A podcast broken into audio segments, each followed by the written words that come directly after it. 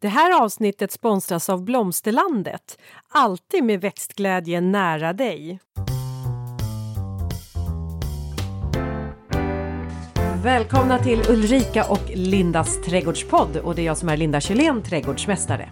Och det är jag som är Ulrika Levin, trädgårdsdesigner. Och idag, kära lyssnare, så ska vi faktiskt prata om orkidéer och tropiska krukväxter. Det här är jag spänd på. Vi ska ha med en gäst också. Ja, Ja, som, ja men han är väl, vi kan väl kalla honom orkidé. expert. Expert. Ja.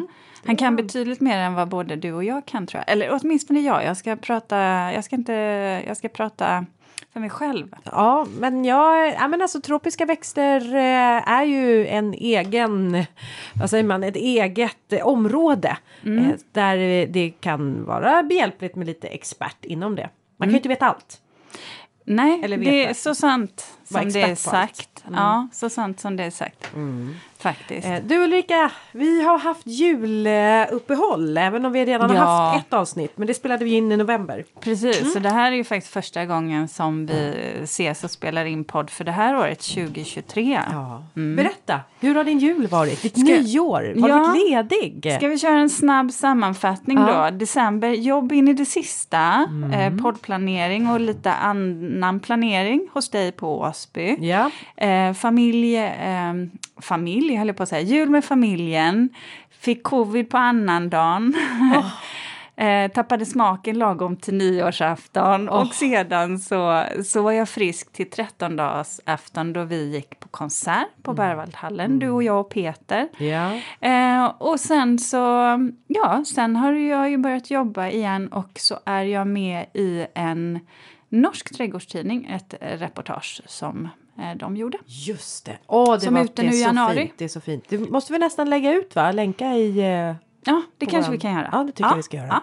Visa världen. Ja, du Våran då? lyssnarvärld. Du, nej men jag har gått på samma spår som dig. Jobb in i det sista. Vi hade ju julen på Åsby och det var ju premiär för det och alla som har varit med om att göra någonting för första gången vet att det handlar mycket om krishantering, släcka bränder och dessutom i denna eh, rekordkyla med 20 minusgrader. Det var alltså det Ja. var en utmaning. Tur man har varit flygvärdinna så man alltid gör allting med ett leende. Ja, det, vet du vad Linda? lugn, kontroll. Det måste jag säga att det gör du verkligen. Du kan komma in och, och verkligen lysa upp ett rum. Det tycker jag, även fast jag vet att du är skittrött. Det är, du är en humörhöjare på så sätt. Tack. Det var fint sagt. Ja. Eh, Nej, men så, att, så, så var ju med jobb och sen blev det ju jul och då kom och gick eh, familj i, eh, hos oss på Åsby och det var ju en otrolig känsla att få samla alla. Det är ju någonting, jag tror vi många har målgångar när vi har skaffat nya bostäder att få fira jul i dem. Det är på något sätt som att man inviger och skapar det där hemmet eh, när man får fira jul. Så det gjorde vi. Eh, och det var lite roligt, då insåg vi hur stort huset är. För när jag höll på och förberedde Åsby och dekorera och julade så eh, kom vi fram till att jag och min mamma hade gått drygt en halv mil en dag bara inne i huset. Jag tänkte, hade du prylar så det räckte? Jag menar, det är en ganska stor skillnad Ja. från, från villan i Sumpan. stora julgranar. Eh, Ja. vi hade ju, och då pratar vi granar. Vi hade ju inte bara en gran inne. Nej. Vi hade ju åtminstone två granar. Varav en julgran välte över oss på självaste julaftons paketutdelning. Över lilla mamma. Hon försvann. Och den minsta av dem alla. Nej! Men den la sig så fantastiskt fint eh, i, över vårt eh, vardagsrumsbord. Och Zigzacka emellan glöggkoppar och tända ljus och lilla mamma dök upp som en liten julkula där mitt i. Nej, men oj, oj, oj, sa hon. Här finns jag nu i julgranen. Oväntat. Oväntat, ja. Nej men så det var och sen så dansade vi lite ringdans i, heter det ringdans? Ja, långdans Jo. i, eh, långdans i En salen. långdans, ja. Aha. Vi var bara tvungna. Nej men gud, det är som Fanny och Alexander. ja, fast det här, precis som... Fast, kanske lite mer harmonisk familj. Exakt. Ja, nej men sen var det så fint att få eh, fira nyåret och vara på samma plats som våra hästar. Ehm, barnen, våra barn kom och ville fira nyår med oss och, och sen försvann alla och då blev det knäpptyst. Och sen började jag jobba och det gjorde jag ju med, eh, liksom, men alltså det var full gas på en gång med både radio och tv och fotojobb. Ja men det är lite, det var samma sak här. Då kände jag så här, ja men nu är det som vanligt. Ja, jag kände så här, here we go again, just another year precis. to eh, ja, ta sig. det är januari. Det är januari. Det är januari. Ja, vi står på högst upp på toppen av eh, den här pulkabacken nu känns det som. Ah. Så jag håller på just nu och försöker eh, sätta mig bekvämt i pulkan. För snart så kommer jag få upp fart och så åker vi bara. Ja, Ja. och så landar man i vattnet på sommaren då tänker du?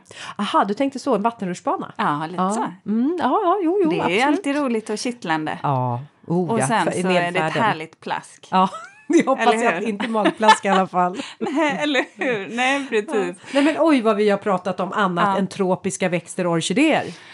Eh, ja, vi har inte kommit till ämnet än. Nej, ska vi göra det då? Ja, jag tänker vi, eh, vi ringer upp Micke. Jag har lite ovant att prata så här känner jag. Jag får inte fram orden. Nej, men du kommer känna dig som hemma när du pratar med Micke för han är en god göteborgare. Härligt. Mm.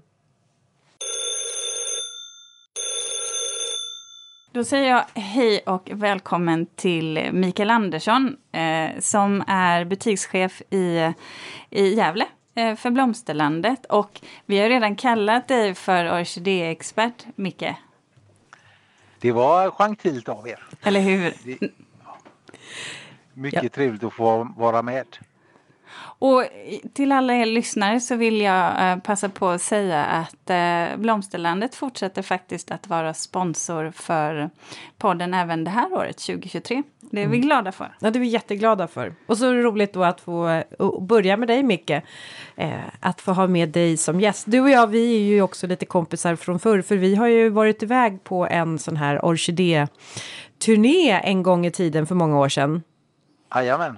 Så när jag och Ulrika pratade om att vi skulle ha ett avsnitt om orkidéer och tropiska krukväxter, då var du det självklara valet. Du är ju liksom ett självspelande piano kring det här. Men kan du berätta för våra lyssnare som inte känner till dig, hur kommer det sig att du har det här intresset och kunskapen om orkidéer och tropiska växter? Lite av en slump, men jag gillar ju mycket tropiska djur och då är det snyggt med tropiska växter i deras terrarium. Ja, Lite vad jag- på den vägen är det. Ja, det var... Eller började det i alla fall. Eh, sedan hamnade jag på Blomsterlandet för en väldig massa år sedan och eh, så de, under 15 års tid jobbar jag väl i stort sett bara med orkidéer och andra tropiska växter. För det var ju just det, jag vet ju att du har ju ormar. Ja. Mm. Jag har faktiskt hundar också nu. Det är inte bara djur som Åh herregud, vet du vad? Jag trodde du skulle säga hundra. Ja. Jag, Nej, in, inte längre. Och faktiskt jag kände nu. så jag bara andades in direkt där. Nej då, inte längre. Så växterna hade en naturlig del, jag haft det hela mitt liv så. Ja. Men, men just det här, hur, vad tror du att det kommer sig att just tropiska växter och framförallt orkidéer är, är så uppskattade? Jag tänker, du träffar ju också kunder i ditt jobb eh, som, som köper dessa växter. Ja, absolut. Alltså orkidéerna och andra tropiska växter, de är ofta, alltså temperaturen är ju ganska lik eh, i våra hem som tropikerna. Det kanske man inte tror idag när man kanske har snö utanför fönstret. Men eh, inomhusklimatet är ju väldigt jämnt. Och det är ju det de tropiska växterna vill ha. Så de trivs ju väldigt bra i våra hem. Och orkidéerna blommar ju fantastiskt länge. Och jag tycker ju de allra flesta sorterna är väldigt lättskötta. I alla fall de vi har i handen. Och de blommar tacksamt om och jag tror det är det som gör det. Jag menar en orkidé kan ju blomma år ut och år in i stort sett. Eh, Medan kanske en begonia varar i ett par månader. Det är inget fel på begonia, Det finns många tropiska roliga begonia. Men den här traditionella begonian. Eh, och det tror jag bidrar till populariteten. Och att man lyckas helt enkelt. Att man kan lyckas få dem att blomma om. Och, ja men man känner sig lite duktig. Och då är det orkidéerna fantastiskt tacksamma. Jag tänker också på att orkidéer, de är ju ganska formstarka. De är ju väldigt stilrena. De är ju krukväxter tror jag också som passar i ganska alltså, moderna hem. De är också krukväxter som, de skräpar ju liksom ingenting i princip. Ja, när de släpper sina blomknoppar kanske. Men annars är de ju väldigt eh, klina växter. Absolut. Och den här fantastiska mängden som finns, alltså variationerna som finns både i färger och former och storlekar gör ju att det passar ju, jag skulle säga att det passar i alla hem. Mm. För det finns alltid någon sort som passar även om man kanske är lite anti-blommande växter eller så, så finns det alltid någon sorts orkidé som passar eller annan tropisk växt. Mm. Du Ulrika, vad har du för relation till eh, tropiska växter och orkidéer? Mm. Eh, jag gillar ju tropiska växter. Jag gillar ju stora gröna blad. Orkidéer tycker jag också om. Min relation till dem är väl att jag lyckats ta död på i princip alla som jag har köpt, tyvärr.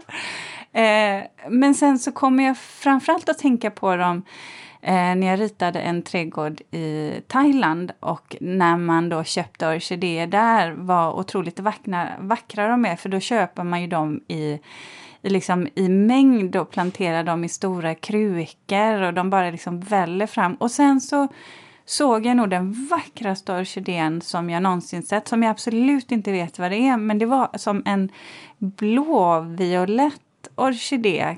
Kanske att den heter Vanda, men jag vet inte. Men sagolik. Jag har aldrig sett den hemma i Sverige sen. Peter, eller säga Micke? Det låter precis som en Vanda. Ja, det var det. Ja. Mm. Mm. Den, var, den var helt eh, sagolik. Den vackraste färg jag någonsin sett. Det kanske inte är den mest lättskötta orkidén men jag kan absolut hålla med om att det är en av de mest pampiga. Och då menar jag lättskött i våra inomhusklimat. I Asien ute i trädgården så är de inte svårskötta men i fönsterbrädet kanske inte är den lättaste. Nej, inte något för mig då eftersom jag tar död på de absolut vanligaste brudorkidéerna. så länge du vattnar den varje dag och sprayar rötterna så är det inga problem. Aha. Så den är lite jobbintensiv eller vad man ska säga. Ja, okej. Okay. Ja, själv så min, min relation till orkidéer så jag har egentligen inte så många, eller jag har egentligen inga orkidéer alls hemma. Eh, jag vet inte, ibland kan jag tycka att orkidéerna är lite för fina för mig. Vad tyst du blev nu. Ja, jag tänkte hur då? Ja, jag tänkte, ja. Eh, nej men alltså jag, jag kan tycka att de, jag är ju lite mera bonnig utav mig.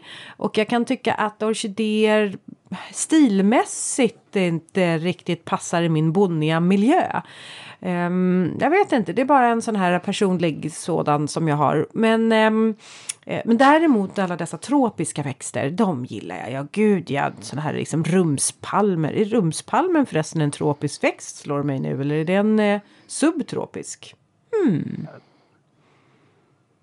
det beror ju på vilken utav dem du tänker på. Tar man förmakspalmerna så kommer de från Lord Howe-ön ja. eh, utanför Australien och Nya Zeeland. Ja. Eh, och det är ju en tropisk växt. Ja. Och eh, bergspalmerna kommer från Afrika, alltså bergsmolnskogar. så det är, ja, de flesta är absolut tropiska växter. Ja, och det var förmakspalmen som jag tänkte på. Men, mm. men vad, har, vad har orkidéerna för, för ursprung?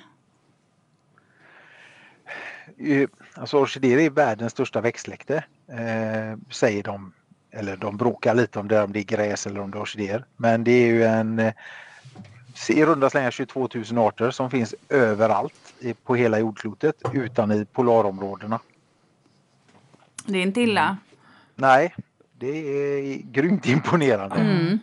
Jag gillar ju de här också vilda orkidéerna som vi har i Sverige. Heter de inte någon sån där Marias nycklar eller vad heter de? Mm, vi har ju ett gäng sorter där som är alla fridlysta ska vi säga ja. också. Alltså, mm. Man får inte plocka in dem i trädgården. Eh, men du har ju guckuskon, jungfru mm. Maria nycklar, Sankte Pers nycklar. Eh, vi har många sådana här Dactyloritza sorter, alltså mm. nycklar då. Eh, som är jättefina att se på, som man kan se på försommaren. Ja. Mm. Men vi kommer prata om de tropiska sorterna. Mm. Ja. ja. ja. Mm. Men, men då, ska jag, då ska jag slänga ur mig ett begrepp eller ett ord. Epifyt, Micke. Ja. Vad är, vad, vad är det för typ av växt? En epifyt är en växt eh, som de flesta orkidéerna är som vi har i handen. Eh, den växer uppe på andra träd. Den lever inte av trädet, så den tar ingen näring av trädet men, eller busken. Men den lånar växtplatsen. Den är som en hyresgäst kan man säga som inte betalar någon hyra. Mm. Istället för en parasit då egentligen? Den ja, parasiterar inte? Den, den, är, den, den är snäll istället mm. jämfört med parasiten som tar näringen utav värdträdet. Då. Eh, en mistel, är den eh, en epifyt eller en parasit? Höll på att säga. Ja, sen finns det de där som är mitt emellan också. ja. Mm. Så, så man brukar väl säga att eh, mistel är en parasitväxt. Mm. Men eh, det är ju inte så att de tar död på värdträdet. Nej, och för, precis, för det behöver ju inte en parasiterande växt göra egentligen. eh, Eller Nej. organism. Eh, så. Eh, men Finns det flera växter, tropiska växter då, som är epifyter?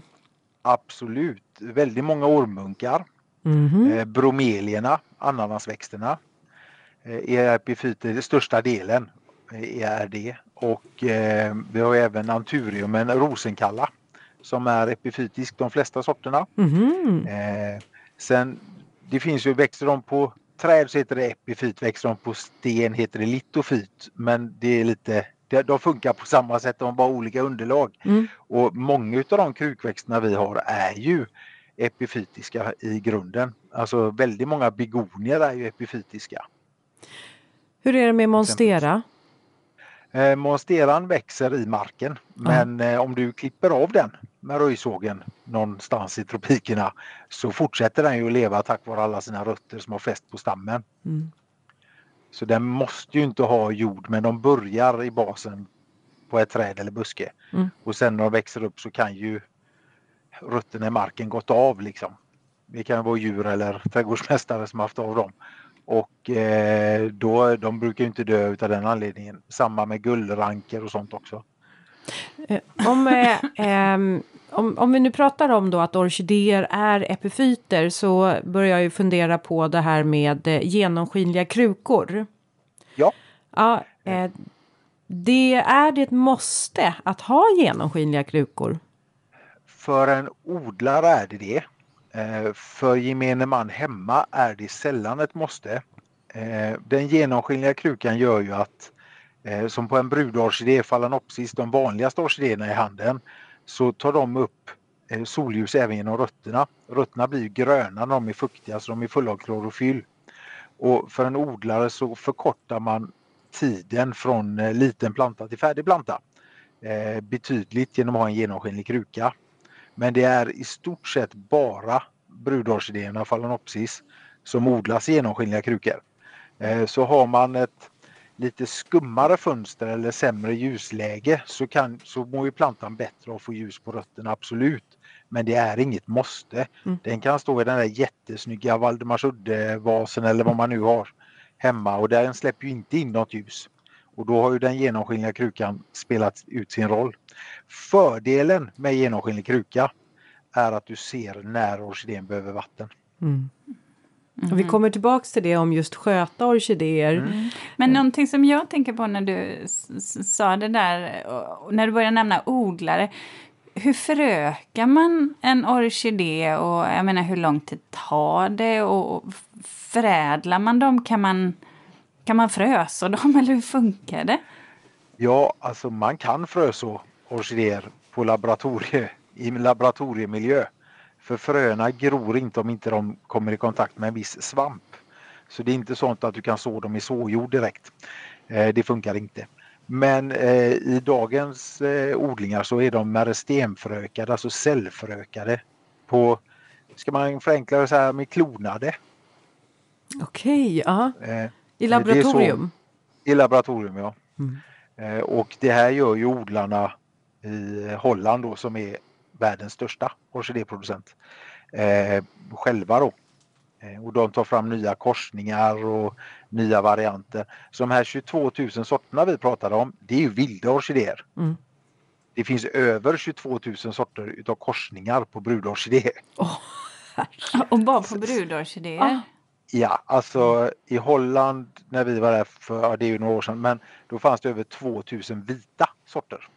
Åh herregud. Så ja, det finns... Eh, Hur ja, kan man se det- skillnad på alla vita sorter? Nej, men- men vet ni vad, jag sitter bara och funderar på att, att eh, då måste det, det måste ju finnas andra länder i världen som är mycket större på det här med orkidéer än, än vad vi i Sverige är. För så, alltså den mängden kan jag inte ens se att, att vi skulle ja, ha tillgång till. Eller så, alltså, så populära är de väl ändå inte i Sverige?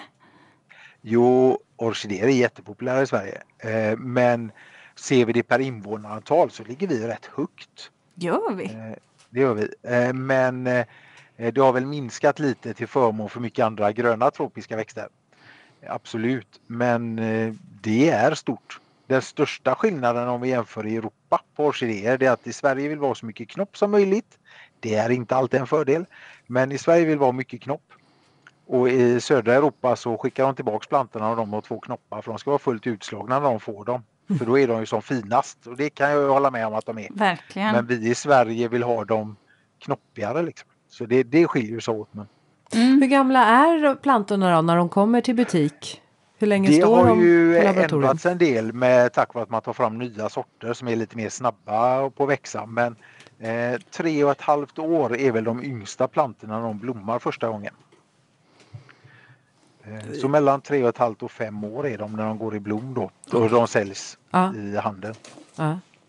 Eh, Men eh, jag vet ju också att det finns, vad heter de då? När orkidéerna eh, bildar när egna nya små skott. Heter de keiko? Keik, eh, vad heter de? Cakeis. Keikis heter de. Jajamän, Ja, det är små orkidébebisar. precis. Ja.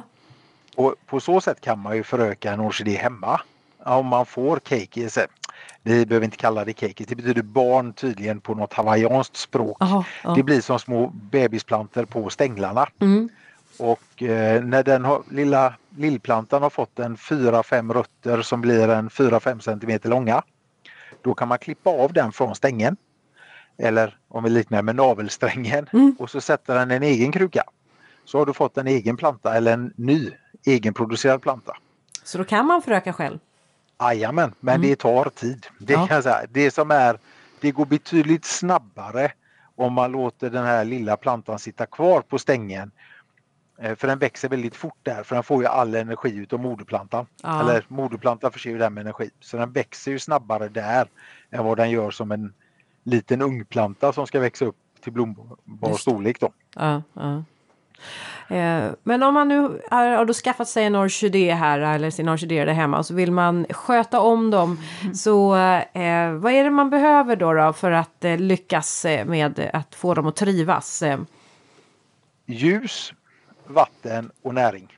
Och det Ljus. lät ju väldigt förenklat. ja, det Men känns som, det- att, som det mesta här i livet. Ja, Det, Ja, ja, precis. Jag tänkte säga, det tyckte jag att jag gav mina orkidéer och de dog ändå. Eh, vi kan väl lite i, men över 90% av alla orkidéer som dör får för mycket vatten. Man Ja. vattnar för ofta. Vet jag inte, jag kan nog skriva under på det. Om man tar en brudorkidé som jag pratade om som står i de här transparenta eh, vad heter det, odlingskrukorna. Så rötterna i botten på plantan eh, de ser man ju genom eh, krukan. När de är gråaktiga då ska de ha vatten. När de är gröna ska man inte vattna. Mm. Utan de måste få torka upp. Eh, de ska inte bli helt torra men den måste byta färg från grön till grå. Aktig. Jag tycker den är gråvit men ja, gråaktig. Då är det dags att vattna dem. Hur ni vattnar det bryr vi oss inte om. Ni får göra hur ni vill. Men det här med att småskvätta då hinner oftast inte flera gånger i veckan eller så. Då hinner oftast inte rötterna torka upp. Och gör de inte det så börjar de att ruttna. Och när rötterna ruttnar så ser plantan ut att börja torka. Alltså den torkar ihop. Mm. Och då vattnar man ännu mer. Och det blir som att kasta bensin på elden för att släcka den. Det går inte jättebra. Nej. Det är sån igenkänning. Ja, du sitter bara och fnissar här rakt framför mig och bara ha check på fel där, check på att gjort fel där, säger Ulrika. Det är sällan jag får just liksom verkligen alla kryss i varje box. Och, och jag kan ju säga att du är ju inte ensam för sagt 90% lätt 90% av alla. Du börjar till och med nästan att bita på naglarna här. Ja. Men du, eh, den här Ja. eh, eh, orkidékomposten som man har i idag, är den nödvändig? Eh, det är för att vi ska, alltså om en orkidé hade fått välja själv så hade du satt den i ett snöre och hängt den i fönstret utan någon kruka med bara rötter. Mm. Men då kräver ju det att du måste vattna den varje dag. Mm. Eh, orkidén vill torka jättefort. Så fort som möjligt. Och alltså stå luftigt. Inte för täta ytterkrukor, tajta ytterkrukor utan gärna lite vida. Eller fat eller vad man nu tycker är snyggt. Ja. Och eh, desto snabbare den torkar desto ofta behöver du vattna, desto snabbare växer den. Och i den här pinjebarksblandningen som är i orkidékomposten gör, tillåter ju plantan att torka snabbare. Sätter du den i vanlig blomjord så innehåller ju blomjorden en hel del näring, vilket inte är så bra. Fel sorts näring. Och eh, det torkar för långsamt så risken att man vattnar ihjäl dem ökar ännu mer. Mm. Behöver, och när, ja. Mm. Näringen när det gäller orkidéer är väldigt viktigt. Och om jag är helt ärlig så den tråkigaste växten i orkidéfamiljen heter brudorkidé om du frågar mig. Men då är jag gott trött på dem för jag har sett rätt många. Mm. Eh, det finns ju så fantastiskt många andra sorter. Och de andra sorterna är oftast inte svårare. Det är bara att de är, kräver näring. Och får inte de näring så blommar inte de om. Och orkidé är ju faktiskt en av de ytterst få växterna som ska ha näring året runt. Varannan gång man vattnar. Så hur ofta det blir, det hänger ju på hur snabbt de torkar då. Men... Så jag brukar rekommendera folk att använda orkidénäring till era orkidéer, brudorkidéer. Så ska ni se att ni får mycket större blo- planter med mycket mer blommor än vad det var när ni köpte dem. Istället för som det brukar vara att det blir färre och färre blommor för Mm. varje blomning. Eh, och ni kan prova på de andra sorterna som är väldigt många spännande fina sorter som inte är svårare men som kräver det här med näringen. Så orkidénäring är, det är, ja, det är Det är viktigt. A och O. Men, men om, Ja. du, om du då får... ehm, om du då får välja dina topp tre bland orkidéer, vad skulle det vara istället för brudorkidé? Vad, skulle, vad tycker du vi ska testa på? Eh, Vad ni ska testa på, eh, då ska vi in katlejer. Ah, katlejer. Eh, blommar en gång om året med en fantastisk blomning. Venusskor, Paphiopedilum, som påminner om våra vilda guckuskor fast är från Sydostasien. Det tycker jag är riktigt roliga. Och så det största orkidésläktet, Dendrobium. Där Mm. finns det hur mycket roliga grejer som helst. Mm. Och Linda, då menar inte jag den här nobilen som vi hade en anekdot om på våra föreläsningar utan det finns ju andra Dendrobium. Ja, just det. Ja. Ja, Men du, visst är det väl också så att kattlejor, är det de som man bör ställa ut på somrarna för att stimulera dem att komma igång med blomning igen? Linda, visst är vi stolta över att ha en sponsor till dagens avsnitt? Ja, och det är Blomsterlandet. En trädgårdsbutik nära dig med butiker över hela landet och en e-handel som är öppen dygnet runt. Välkommen! alla orkidéer, brudorkidéerna har ju bara blad. Ja, Eh, och eh, katlejerna exempelvis och dendrobiumen har ju bulber. Det är som Ja. knölar varifrån bladen kommer och eh, även blommorna sen. Och de eh, bulberna, du får bättre tillväxt på de flesta sorterna om du ställer ut dem. mm. Och jag bara tänkte på en grej där du sa att det var lite bonnigt. Jag vet att du inte har bonnist men jag förstår vad du tänkte Ja, Linda. ja. Men Symbidium hade ju varit klockrent för dig. ja.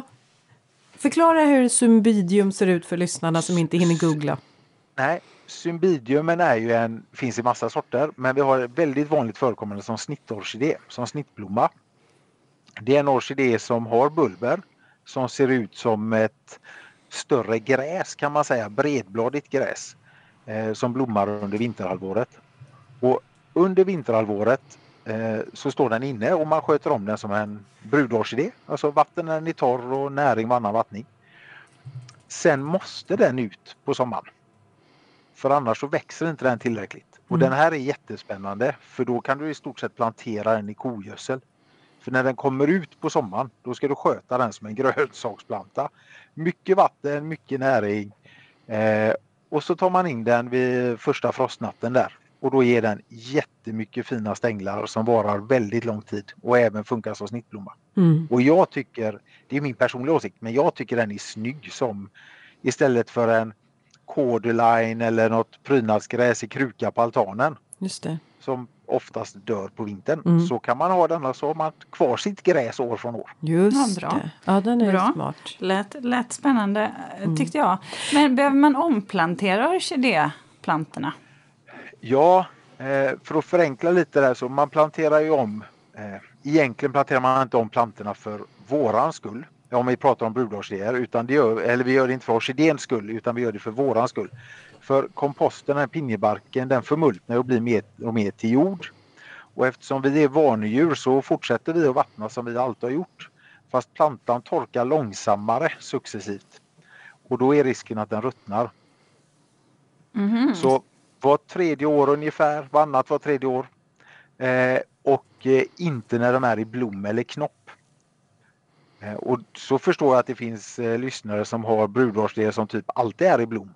Mm. Då kan man ju liksom få plantera om dem ändå. Men då ska man inte göra det när det är små knoppar på utan det är när knopparna har slagit ut. Då kan man plantera om dem. Mm. Om man måste så att säga. Och då är de där luftrötterna då, eller de här rötterna som har tagit sig ut ur krukan. Vad sa vi, klipper vi bort dem eller låter vi dem vara kvar? De låter vi vara kvar. Och så Utökar... börjar man, börjar man med att stoppa ner. Man kan klippa bort, om man tar ur plantan ur krukan och skakar av komposten, väldigt lätt, det rasar. Så tar man, det kommer finnas döda gamla rötter i, de plockar man bort. Torra rötter som är helt knastriga, de kan man klippa av och det kan ju vara en tredjedel av en rot och då klipper man av den torra dåliga, dåliga delen. Resten börjar man med att sätta rötter i krukan och så mycket rötter i botten som möjligt. Och jag vet att ni inte kommer tycka om det för det, ni kommer märka att det är rätt pilligt att få dit komposten sen. Men då Mhm. får man pilla dit komposten bland rötterna för att eh, få den stabil då. Just det. Och får man inte plats så får man gå upp i krukstorlek. Eh, det viktiga är att går man upp i krukstorlek från vi säger en 12 cm som är standard Mm. eh, på orkidéer till en 15 cm så kan det skilja flera veckor i torktid. Alltså ni måste ändra er vattning, eh, intervall på vattningen. Och sen hinner torka upp emellan. Mm. Men vad heter det? Är, är, ja, mina orkidéer har ju i och för sig dött då, men jag tänker så här, jag har å andra sidan aldrig upplevt att de har drabbats av sjukdomar eller skadedjur, men finns det några sådana som, som orkidéer Abs- lätt drabbas av? Absolut. Eh, flera av de här tjockbladiga eh, växterna, alltså typ som orkidéer, som brudorkidéer har ju tjocka köttiga blad. Porslinsblommorna, väldigt många sorter som är epifyter där också. Eh, de eh, får ju tyvärr lätt ullöss, eh, sköllöss. Eh, det är inte jättevanligt på orkidéer men det är tyvärr de bökiga ohyran man ofta får. Man brukar se det på fönsterbrädan eller där de har stått att det blir så här lite kladdigt där under och då fattar man att oh, nu är det ett angrepp. Ja. Mm. Och är det en planta med affektionsvärde eller som man är väldigt rädd om, alltså inte den här hemskt detta kommer låta, slit och släng orkidén som man har för att den blommar och är fin i 4-5 månader så åker den ut sen utan en man är rädd om. Man kan ju ta plantan, skaka av all kompost, klippa väck stänglarna, blomstänglarna. Det är ingen fara, det kommer komma nya. Eh, ofta sitter en del ljus där och så kan man spraya den med en tespritsblandning Mm. Alltså lite tesprit och vatten Just eh, och låta det torka.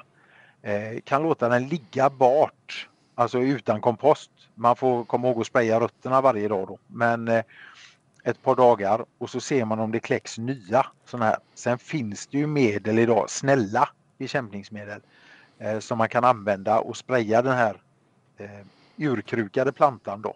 Mm.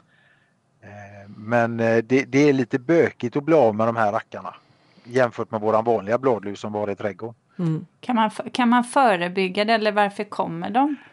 De kommer oftast för att de får för mycket vatten. Mm. I vårat land beror det oftast på för mycket vatten. Mm. Eh, alltså, eller att de är alldeles för torra. Eh, Det är väldigt sällsynt. Men att plantan inte mår bra. Alltså för mycket vatten, för lite vatten, för varmt, för kallt. Mm. Stress. Obalans. Mm. Ja exakt. Mm. Och Men- som vi pratade om där innan med att man kunde ställa ut orkidéer. Ställ inte ut era brudorkidéer. De trivs inte under 18 grader. Nej. Och då kommer folk säga att ja, men mina blommar ju när jag tar in dem sen. Ja, alla växter som håller på att dö sätter blommor för att kunna sprida fröer. Exakt, det är, det är en livsstrategi. Mm. Ja, det är inte det snälla sättet att få dem att blomma igen, så kan vi ju säga. Men du, om vi ska prata apropå blomsättning då så behöver vi ha ljus, eh, tänker jag. Ja. Och ehm, om, för visst är det så här att om de inte får tillräckligt med ljus så är det vanligt med att knopparna faller av och den orkar inte gå upp i blom. Absolut. Mm. Eh, och, och september till mars funkar syd sydvästfönster, alltså det ljusaste fönstret ni har, alldeles utmärkt.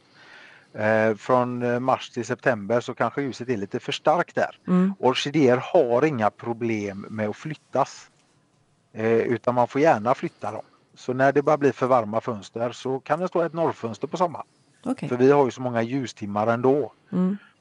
Så men var inte rädda för att flytta på orkidéerna. Det är till skillnad från en Benjamin ficus som man knappt får prata om att det blir mulet så åker bladen av liksom. Ja, för det där det hade vi ju en diskussion om, eh, Linda, när vi eh, körde manusgenomgång. Eh, och om vi ska gå över till de tropiska växterna. Mm. För att mm. Jag tycker ju de är jättefina. Jag har ju en förkärlek för dem som har ganska stora blad i olika mm. gröna nyanser. Problemet är att de vintertid och under hösten funkar alldeles utmärkt i mina söderfönster eller där jag har lite mer sol. Eh, jättedåligt sommartid. Och då, då är det så att säga, då känner jag, då behöver jag alltid hitta någon annan plats för dem. Och det där blir alltid ett aber. Jag får, jag får liksom, det är svårt att få plats. Jag har liksom stora fönster i vardagsrum och kök. Mm. Det, det, är om man tänker monsterer, alokasier, skelettsköldar och så vidare med stora blad så de vill ju inte ha, alltså på vintern får de jättegärna och höst och vinter får de jättegärna stå så ljust det går. Men de trivs ju jättebra året runt en bit in i rummet. Mm. Eh, så det inte blir så här brännande sol på dem. Vi tycker att det är jätteljust men växten tycker att en meter innanför glasrutan så har ljusets styrka halverats mm. för en växt. Och växten, ljuset är ju linjärt så kan man ställa dem under de soligaste tiden eller varmaste tiden vid en sidan av ett fönster så skyddar man ju dem också även om de står ljust så står de inte i direkt solljus. Just det. Mm. Mm. Finns, finns det någon sån där tropisk växt, eh, krukväxt som är som egentligen i princip inte kräver något ljus alls? Eh, till exempel i en hall eller ett litet badrum där du i stort sett inte har något fönster in. Ja, alltså om det inte finns något ljus så kommer växten nog tyvärr försvinna. Ja. Men det finns ju de som håller väldigt länge, vi säger ett litet frostat badrumsfönster exempelvis. Eh, klätterkaller, sådana jag har bakom mig. Ja. Eh, gullranker, småbladiga monsterer. Eh, de kommer ju växa långsammare. Och Småbladiga monsteror, det lät gulligt. Ja, monkey mask. ja, just det, monkey mask. Det finns ju brokbladiga sådana också om man vill sälja sin bil och köpa en stickling. Men eh, det, det, är, eh, de kommer ju få om man tänker att en vanlig traditionell guldranka, den finns ju i massa former, men den vanliga gulgröna, den kommer ju, får den lite ljus så blir den övervägande grön. Får den mer ljus blir den ju övervägande gulbrokig. Eh, så den kommer inte se likadan ut om man har två sticklingar från en guldranka och sätter en i ett österfönster och en i badrummet så kommer ju badrummet vara grönare. Just det. Ja. Eh, man kan ju också skifta på dem och ha två stycken. En som står ute i ljuset och en som står ute i det mörkare och så eh, skiftar man efter halvtid. Det är lite som de lever varannan vecka. Ja, det ja. tycker jag låter som en, det är en ypperlig idé. Men sen har vi ju också eh, tropiska växter som älskar ljus. Alltså epifyterna älskar ju ljus. Eh, alltså orkidéerna, bromelierna älskar ju solljuset. Mm. Och tål värmen bra. Men jag tänker, är, har alla tropiska krukväxter, eller som vi kallar dem krukväxter, vi har dem som krukväxter här, har alla de, de här stora gröna bladen eller finns det några som är lite mer småbladiga? Det finns jättemycket roliga sorter. Peperomier småbladigt, eh, mm. pileer som är småbladigt. Eh, du har ju en hel del eh, småbladiga klängväxter, alltså olika cissusar, monsterer finns ju. Alltså, monstera är ju ett, alltså ett under använt släkte. Mm. Eller har varit i alla fall. Nu finns det jättemycket sorter i odling. Men förut var det den gamla hedliga storbladiga med hål i bladen. Och det är ju bara en, en utav alla möjliga som finns. Mm. Eh, och eh, De flesta utav monsterna tål bra skugga eller mindre ljus. Men mm. du har jättemycket fina småbladiga klängande begonier exempelvis. Som blommar fantastiskt fint. Mm. För jag, jag tänker så här, jag gillar ju att, egentligen att plantera Ja men du vet, precis som man gör utomhus i trädgården, att man har kanske en lite större växt och sen så har man någonting som är lite mer lågväxtande eller krypande i framkant. Det vill säga att man har inte bara en planta per kruka. Har du någon mm. sån kombo som du tänker, tycker det där skulle vara, det är jädrigt snyggt ihop? Jag tycker det är, förutom det mindre praktiska med vattningen, för det det blir ofta stora krukor, torkar långsamt, risken ökar för att man vattnar ihjäl dem. Men tänker man efter när man vattnar så tycker jag att eh, eh alokasierna är jättesnygga om man har en större kruka. Mm. Och det finns ju mängder av alokasia eh, sorter. Det finns ju vinröda och gråa och gröna och vad man nu tycker. Att man har det som den stora växten och så en småbladig guldranka eller en vitgrönbrokig guldranka som nere och under då. För de här alokasierna växer lite som parasoller kan man säga. Mm, precis. Och det tycker jag är jättesnyggt och det tycker jag funkar jättebra för det är ungefär samma vattenmängd. Det som sköldar är de där äh, alokasierna. Ja exakt, exakt. Mm. Linda, du gav ju mig en uppgift här eh, inför det här avsnittet. Yep. för jag skulle då ge mina topp tre odlingsvärda sorter. Eh, då insåg jag att jag har ingen aning om vad de heter, vilket gör att jag blir så glad, Micke, när du har i princip nämnt alla de sorter jag har hemma, som alocasia, monstera, förmakspalm och sen en som jag verkligen gillar, det är strimblad. Den tycker jag är fin. Vad heter ja. den? Strimblad. Strimblad. Mm. Mm. Hoppas jag att den heter, för det var det jag googlade fram i alla fall. Det finns ju två där, du har ju både strimblad och åderblad. Ja, jag har den här som är ja, lite grön med vita nerver i. Ja, exakt strimblad. Och de funkar ju också att ha som undervegetation till något annat, alltså en eh, mer hög, högrest växt. Mm. Ja, de gillar jag. Du, du då Linda? Alltså jag gick ju igång på, jag var faktiskt inne i, eh, i butiken, eh, eran butik, Blomsterlandets butik i Bromma. Och eh, där gick jag raka vägen och bara möttes av, jag tror att den heter Guldkantskalla. Mm. Kan det stämma? Den är ja. som ett enda stort blad. Också som en sköld. Det ser ut som en skulptur bara. Och eh, de går lite i de här, eh, liksom, bladen går i grön, eh, liksom brons gör de med tydliga bladnerver. Och det är bara några så gigantiska stora blad i varje kruka. Otroligt läcker. Det, var lite, det kändes som en lindaväxt. Ja men visst gjorde det mm. det va? Mm. Den, den, är ju väldigt skulptural. Ja, ja. Väldigt skulptural. Och Inte bonniga alls. Nej, eh, nej, men jag gillar ju också att inreda med växter som skulpturer. Exakt. Mm. Sen har jag faktiskt en, en till, en eh, Caladium, heter de så? Caladium eh, lindeni heter den här. Det är lite som linda, en philodendron eh, lindeni och den är precis på samma sätt som eh, ja, guldganskallan. Ja, men den här är istället för att den är den här lite bronsiga tonen och grön så är den vit och grön med tydliga nästan vita bladnerver.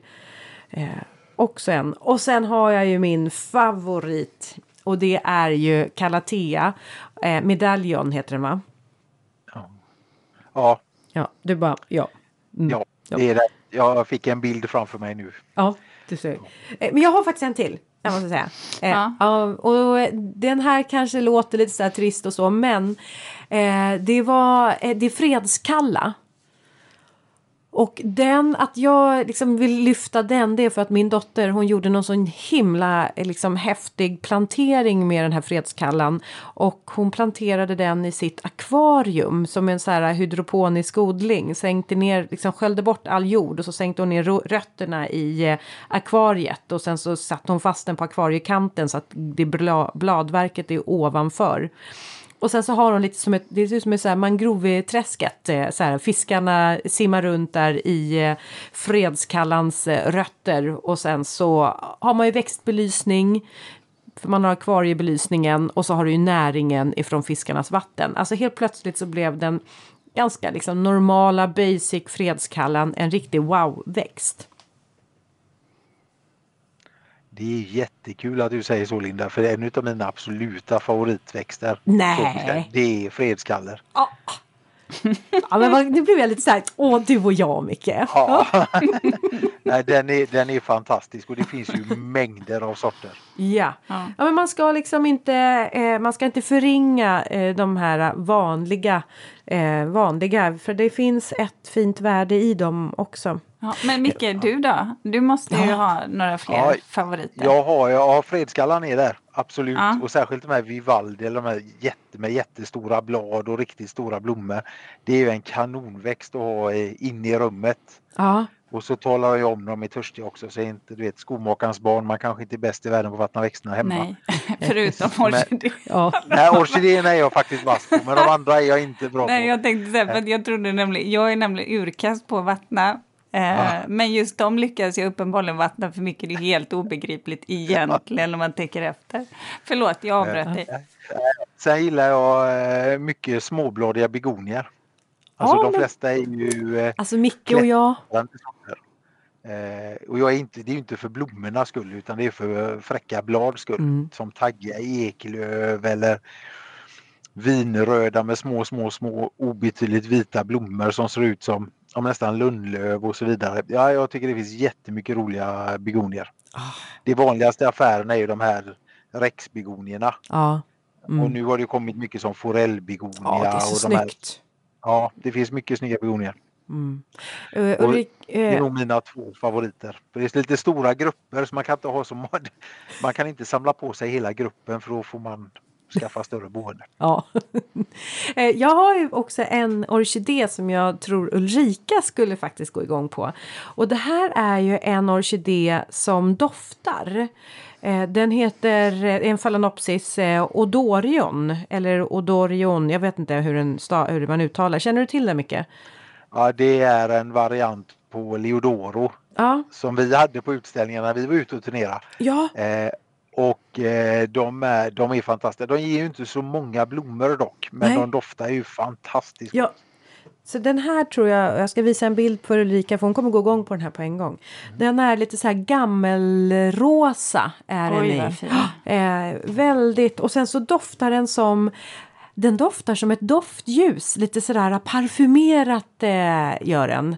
Eh, och det är faktiskt himla, för det är inte så många orkidéer som doftar. Nej och framförallt inte brudorkidéerna. Där är ju absolut inte många som doftar. Det är ju ett fåtal. Ja. Men gud, vad Men- snygg den var Linda. Den där skulle passa hemma hos dig. Nu ja, vet du, jag tänkte faktiskt det. Färgmässigt så är den Mm. klockren. Japp. Nu vet jag hur jag ska göra. Jag kommer få lyssna om Ja. på det här avsnittet Du får också. svänga förbi Brommabutiken, där finns Det är de. så himla bra. Ja. Ja, eh, för det tänkte jag faktiskt bara fråga innan vi ska avrunda mycket. För Mm. många av de här sorterna, ibland så kan jag uppleva att, att Ehm, det kanske bara blir de här lite typiska sorterna som finns i butik. Men du som ändå jobbar med det här, blir det mer och mer sorter som, som ni plockar hem? Ja, alltså det är, jag tycker det är lite tråkigt att vi har snöat in på brudorkidéer och att det är liksom det är det folk vill ha. Men vi försöker ju ta in en del annat också och då försöker vi välja sorter så att man ska lyckas med dem.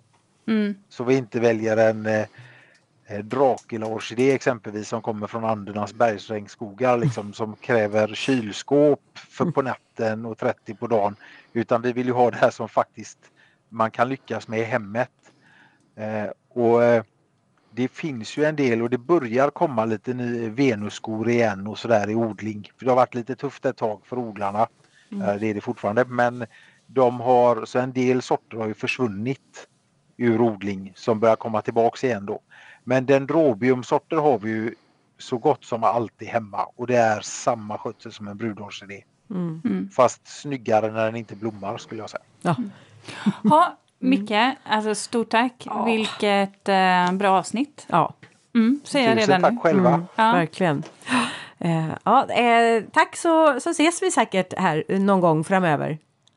Det hoppas jag. Ja. hej då. Ja. Hej, hej då. Hej.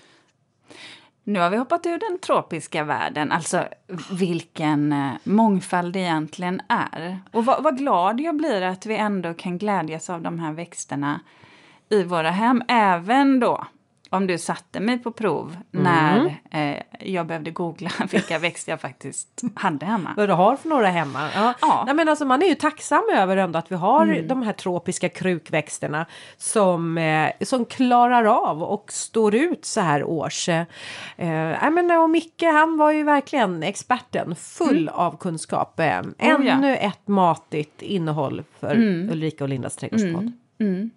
Det är dags för eh, din reflektion, Linda. Du, eh, min reflektion den handlar om att jag har ingen ordning på prylarna.